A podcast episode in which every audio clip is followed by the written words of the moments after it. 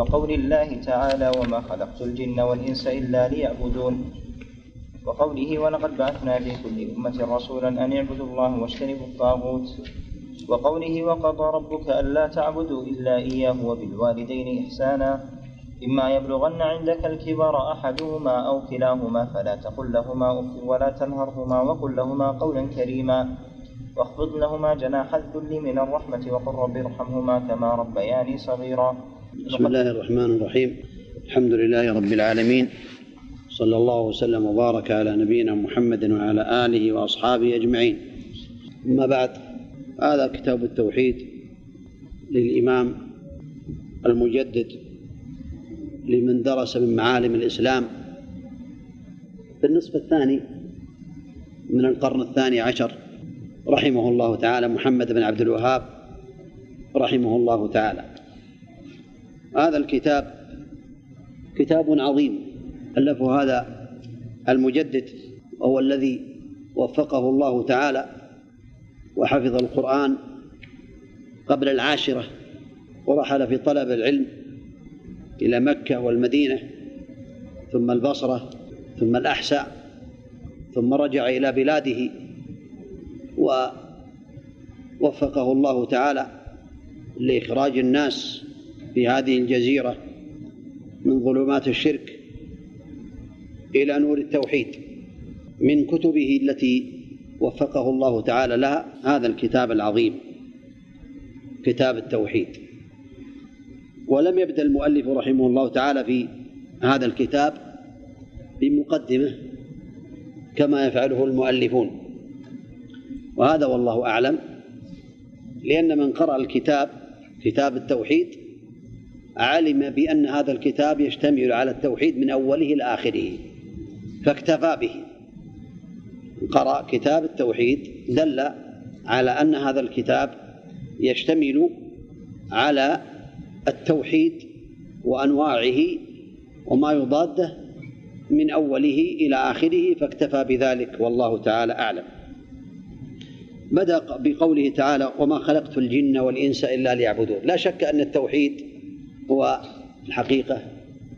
إفراد الله تعالى لغة مأخوذ من وحد يوحد توحيدا وهو إذا جعلت الشيء واحدا وهو في الحقيقة إفراد الله تعالى بما يختص به من الألوهية والربوبية والأسماء والصفات. هذا هو التوحيد. بدأ بقوله تعالى وما خلقت الجن والإنس إلا ليعبدون. الله تعالى ما خلق الجن والإنس إلا لعبادته سبحانه وتعالى وحده. والعبادة اسم جامع لكل ما يحبه الله ويرضاه من الأقوال والأعمال الظاهرة والباطنة. وهي في الحقيقة هي تدل على التذلل والتعبد لله تعالى. كمال الذل مع كمال الحب والانقياد لله تعالى. ثم بين رحمه الله تعالى في الآية الثانية ولقد بعثنا في كل أمة رسولا أن اعبدوا الله واجتنبوا الطاغوت. ما أرسل الله تعالى من نبي من رسول إلا ودعا أمته إلى التوحيد. ولقد بعثنا في كل أمة رسولا. هذا يدل على العموم وأن الأنبياء الرسل عليهم الصلاة والسلام كلهم دعوا أقوامهم إلى التوحيد إلى عبادة الله تعالى وحده وإلى الابتعاد عن الشركيات والشرك. وهذا يدل على أهمية التوحيد. قوله تعالى وقضى ربك ألا تعبدوا إلا إياه بالوالدين إحسانا. قضى أمر ووصى وعهد سبحانه وتعالى ألا تعبدوا إلا إياه. يعني تخصوه بالعبادة وحده لا شريك له وبالوالدين إحسانا. الوالدين لا شك أن الله تعالى قرن طاعة الوالدين بطاعته سبحانه وتعالى في آيات كثيرة. ما ذلكم إلا لأن الله تعالى هو الخالق الذي خلق سبحانه وتعالى وجعل سببا للخلق جعل سببا لهذا الخلق خلق الإنسان وهو الوالدين. فقرنهم الله تعالى بعبادته بطاعتهم بعبادته لأن الله هو الخالق وجعل سببا لوجود الإنسان في هذه الحياة الدنيا وهو الوالد والوالدة والوالد وإن علا الوالد وإن علا والوالدة وإن علت كلهم من أسباب وجود الإنسان لكن أحق أحق بالصلة الأدنى فالأدنى. ولا شك أن الله تعالى أمر قضى ربك ألا تعبدوا إلا إياه وبالوالدين إحسانا. الآية. ولا شك أن طاعة الوالدين من طاعة الله تعالى لأن الله تعالى أمر بذلك. والآيات كل في ذلك معروفة. وقوله واعبدوا الله ولا تشركوا به شيئا كذلك في سورة النساء وهذه الآية كما ذكر العلماء هي آية الحقوق العشرة. ذكر الله تعالى فيها حق عشرة حقوق بدأ سبحانه وتعالى بعبادة الله تعالى والأمر بعبادة الله تعالى واعبدوا الله ولا تشركوا به شيئا وبالوالدين إحسانا وبذي القربى واليتامى والمساكين والجار ذي القربى والجار الجنب والصاحب بالجنب وابن السبيل وما ملكت أيمانكم. هذا حقوق عشرة يجب على الإنسان أن يقوم بها كما أمر الله تعالى بها. وقوله تعالى قل تعالوا أتلوا ما حرم ربكم عليكم ألا تشركوا به شيئا. وهذا كذلك في سورة الأنعام آيات تشتمل على أمور كذلك عشرة عشر وصايا. أوصى بها الله تعالى عباده أن يقوموا بهذه الوصايا التي أمر الله تعالى بها. ختمها لعلكم تعقلون لعلكم تذكرون لعلكم تتقون. هذا فإن الإنسان إذا قام بهذه الأمور وهذه الوصايا الخمس الأول كان ممن يعقلون والتي بعدها كان ممن يتذكرون. وأن هذا صراطي مستقيما فاتبعوه ولا تتبعوا السبل فتفرق بكم عن سبيله. ذلكم وصاكم به لعلكم تتقون. هذه وصايا أوصى الله تعالى بها عباده وهي في الحقيقة عظيمة أمر الله تعالى بها نبيه صلوات الله وسلامه عليه. نعم. قال ابن مسعود رضي الله عنه من أراد أن ينظر إلى وصية محمد صلى الله عليه وسلم التي عليها خاتمه فليقرأ قوله تعالى قل تعالى واتل ما حرم ربكم عليكم ألا تشركوا به شيئا إلى قوله وأن هذا صراطي مستقيما فاتبعوه ولا تتبعوا السبل. هذا كلام مسعود رضي الله عنه يعني يريد الوصايا المكتوبة التي ذكرها الله تعالى في القرآن الكريم. أما النبي عليه الصلاة والسلام لم يوصي إلا بكتاب الله وبسنة النبي عليه الصلاة والسلام وأوصى الناس بالقيام بالتوحيد عليه الصلاة والسلام ونهاهم عن الشرك صلوات الله وسلامه عليه. قال لعنة الله على اليهود اتخذوا قبور أنبيائهم مساجد مساجد يحذر ما صنعوا. قال أخرجوا المشركين من جزيرة العرب. كلها عند موته وكلها من وصايا عليه الصلاة والسلام. لكن هذه الوصايا التي ذكرها الله تعالى هي من الأمور التي تجب على العباد. فهي كأنها وصية النبي عليه الصلاة والسلام لأمته. من قام بها فإنه قد نجا أولها النهي عن الشرك بالله تعالى. كما قضى وقل تعالوا أتلوا ما حرم ربكم عليكم ألا تشركوا به شيئا. وبالوالدين إحسانا. فالله تعالى أمر بعبادته وأمر بطاعة الوالدين ونهى عن الشرك ونهى عن قتل النفس ونهى عن قتل قتل الولد ونهى عن قتل النفس التي حرم الله إلا بالحق وغير ذلك من هذه الأمور التي ذكرها الله تعالى في هذه الآية فينبغي للإنسان المسلم أن يعنى بها وأن يعمل بها. نعم. وعن معاذ بن جبل رضي الله عنه قال كنت رديف النبي صلى الله عليه وسلم على حمار. فقال لي يا معاذ أتدري ما حق الله على العباد وما حق العباد على الله؟ قلت الله ورسوله أعلم. قال حق الله على العباد أن يعبدوه ولا, ولا, ولا يشركوا به شيئا. وحق العباد على الله ألا يعذب من لا يشرك به شيئا. قلت يا رسول الله أفلا أبشر الناس؟ قال لا تبشرهم فيتكلوا. أخرجه في الصحيحين. هذا الحديث فيه فوائد. منها أن النبي عليه الصلاة والسلام كان أحسن الناس خلقا كان أشد الناس تواضعا عليه الصلاة والسلام. فكونه يركب على الحمار هذا يدل على تواضعه عليه الصلاة والسلام وعلى محبته لله تعالى وأنه لا لا يستعلي على الله تعالى وإنما يركب على الحمار كما يركب الناس عليه الصلاة والسلام. وما يدل على تواضعه كذلك الإرداف أردف عليه الصلاة والسلام على الدابة والعظماء في الغالب لا يردفون معهم أحدا على دوابهم وإنما يعني يركبون وحده. فهو أردف معاذ رضي الله عنه على الحمار وهذا يدل على تواضعه عليه الصلاة والسلام. فكان في أثناء مسيره قال يا معاذ أتدري ما حق الله على العباد؟ فناداه بالنداء يا معاذ حتى ينتبه.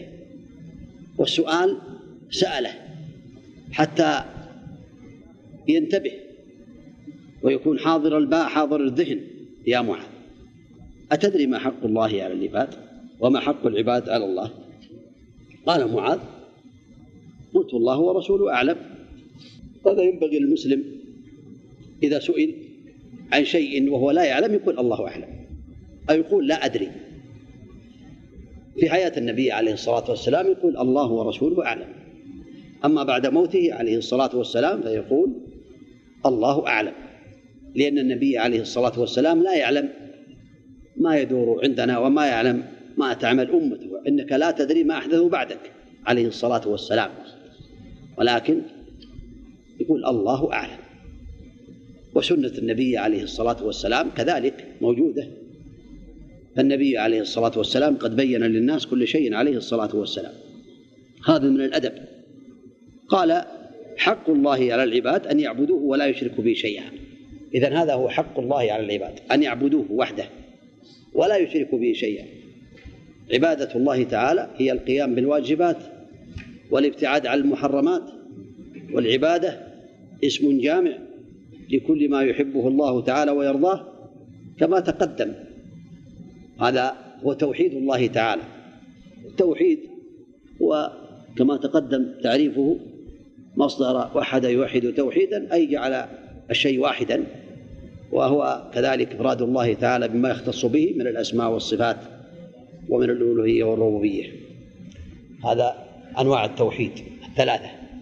توحيد الألوهية وهو إذا أضيف للإلهية لله تعالى أو يقال له توحيد العبادة يعني أفعال العباد وهو أن يصرف العبادة لله وحده سبحانه وتعالى مما أمر الله تعالى به ورسوله عليه الصلاة والسلام. فلا يعبد إلا الله ولا يستغيث إلا بالله ولا ينظر إلا لله ولا يعمل أي عمل إلا لله. توحيد الألوهية. توحيد الربوبية هو توحيد الله تعالى بأفعاله بالخلق والرزق والملك والتدبير فهو الخالق الرازق. المالك لكل شيء المدبر لكل شيء. هذا هو توحيد الربوبية توحيد الله تعالى بأفعاله سبحانه وتعالى. أو توحيده بالخلق والرزق والتدبير. توحيد الأسماء والصفات أي يثبت لله تعالى ما أثبته لنفسه أو أثبته له رسوله عليه الصلاة والسلام من غير تعطيل ولا تحريف ولا تكييف ولا تمثيل. هذه أنواع التوحيد الثلاثة. التي بينها العلماء استنبطوها من القرآن الكريم ومن سنة النبي عليه الصلاة والسلام. فقول حق الله على العباد أن يعبدوه ولا يشركوا به شيئا. وحق العباد على الله ألا يعذب من لا يشرك به شيئا. إذن هذا حق حقه الله تعالى على عباده على نفسه. ولم يوجبه أحد على عليه سبحانه. حق تفضل به سبحانه وتعالى أن كتبه على نفسه ولم يكتب عليه أحد. أن من لم يشرك بالله شيئا لا يعذبه سبحانه وتعالى.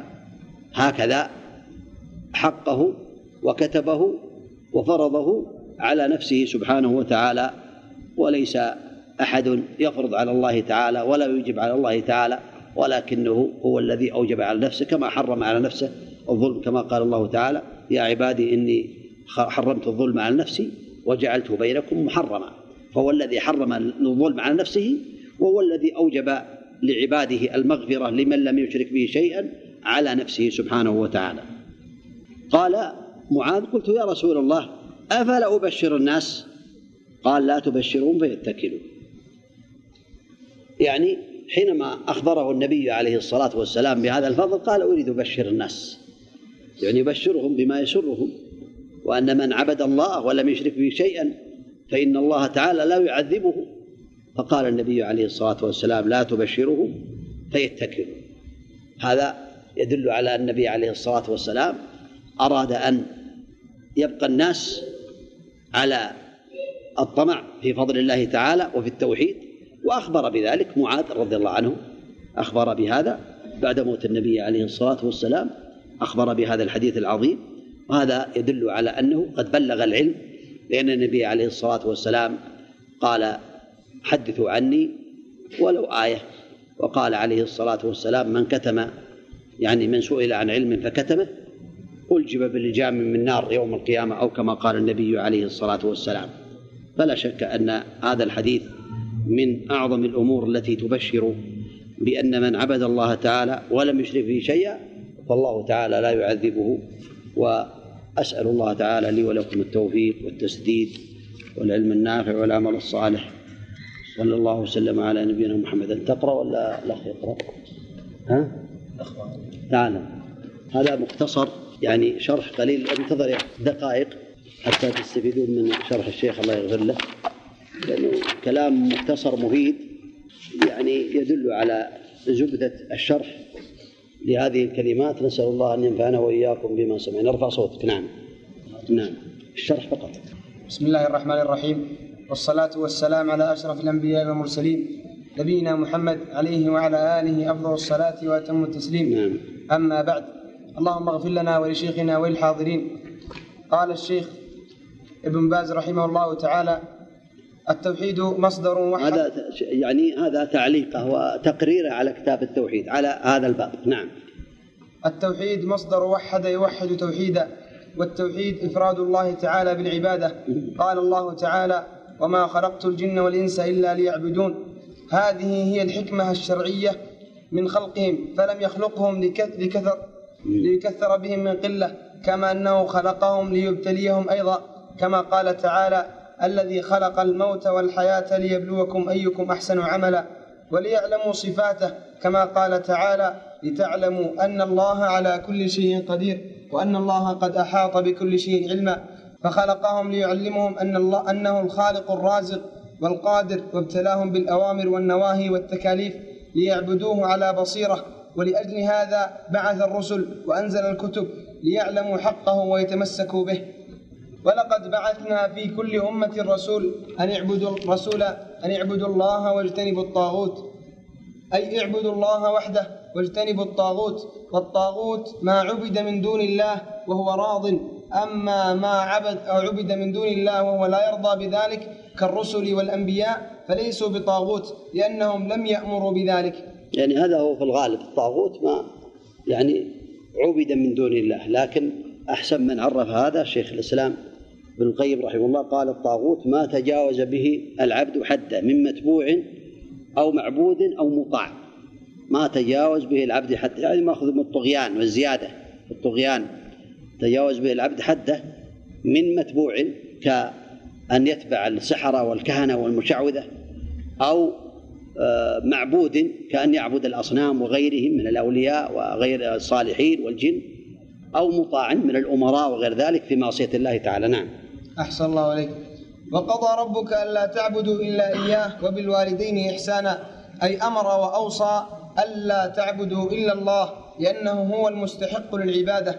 فلا إله إلا الله أي لا معبود بحق إلا الله. فاعبدوه وحده ولا تشركوا معه في عبادته أحد من نبي أو ملك أو ولي أو غير ذلك. فعلى الإنسان أن يحذر من الشرك كله. فاعبدوا الله ولا تشركوا به شيئا. قل تعالوا أتل ما حرم ربكم عليكم ألا تشركوا به شيئا. أي قل يا أيها الرسول تعالوا أيها الناس أخبركم وأقص عليكم ما حرمه الله عليكم وأتلو على علم ويقين لا عن شك وظن. وأول هذه المحرمات الشرك. ولا هنا صلة فحرم الشرك كما حرم المحرمات. وأعظم هذه المحرمات هو الشرك. والشرك صرف أي نوع من أنواع العبادات لغير الله. واشتملت هذه الآيات على عشرة أمور. الأول الشرك. والثاني الإحسان إلى الوالدين وذكرهما بعد ذكر حق الله يدل على عظم حقهما والإساءة إليهما من أجرم الذنوب والمعاصي وقرنهما الله بحقه في غير ما آية.